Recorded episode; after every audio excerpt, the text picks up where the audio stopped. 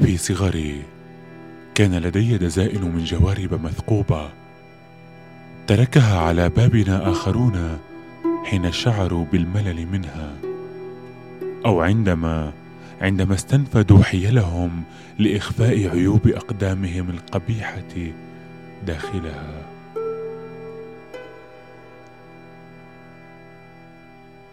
فعلت معها كل شيء يخطر في بالي.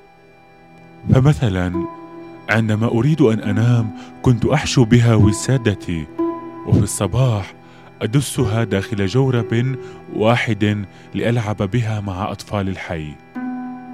وحين أعود وحيدا في المساء أختبئ تحت السرير وأصنع منها حيوانات أليفة. في الصيف كنت أنقعها في حوض من الماء أجلس قبالتها. وفي يدي عصا المكنسة ثم أبدأ حربي الخاصة متخيلة مع تنانين متوحشة جاءت لتقضي على العالم برائحتها الكريهة. وفي الشتاء كانت تصلح مخبأ سريا لبعض الفكة والحشرات المنزلية. مع هذا لم أشعر يوما بامتلاكها. لهذا ربما. كلما فكرت بارتدائها شعرت بالاختناق. الآن وبعد هذا العمر أفهم تماما ما حدث.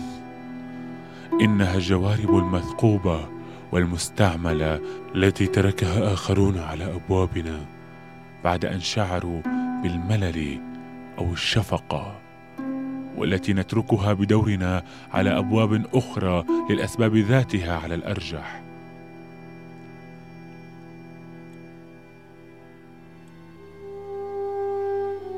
إنه الحب المتبقي منه تقريبا.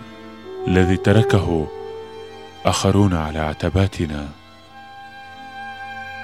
والذي يخنقنا كلما فكرنا بارتدائه لأنه كان ابدا ملكا لغيرنا.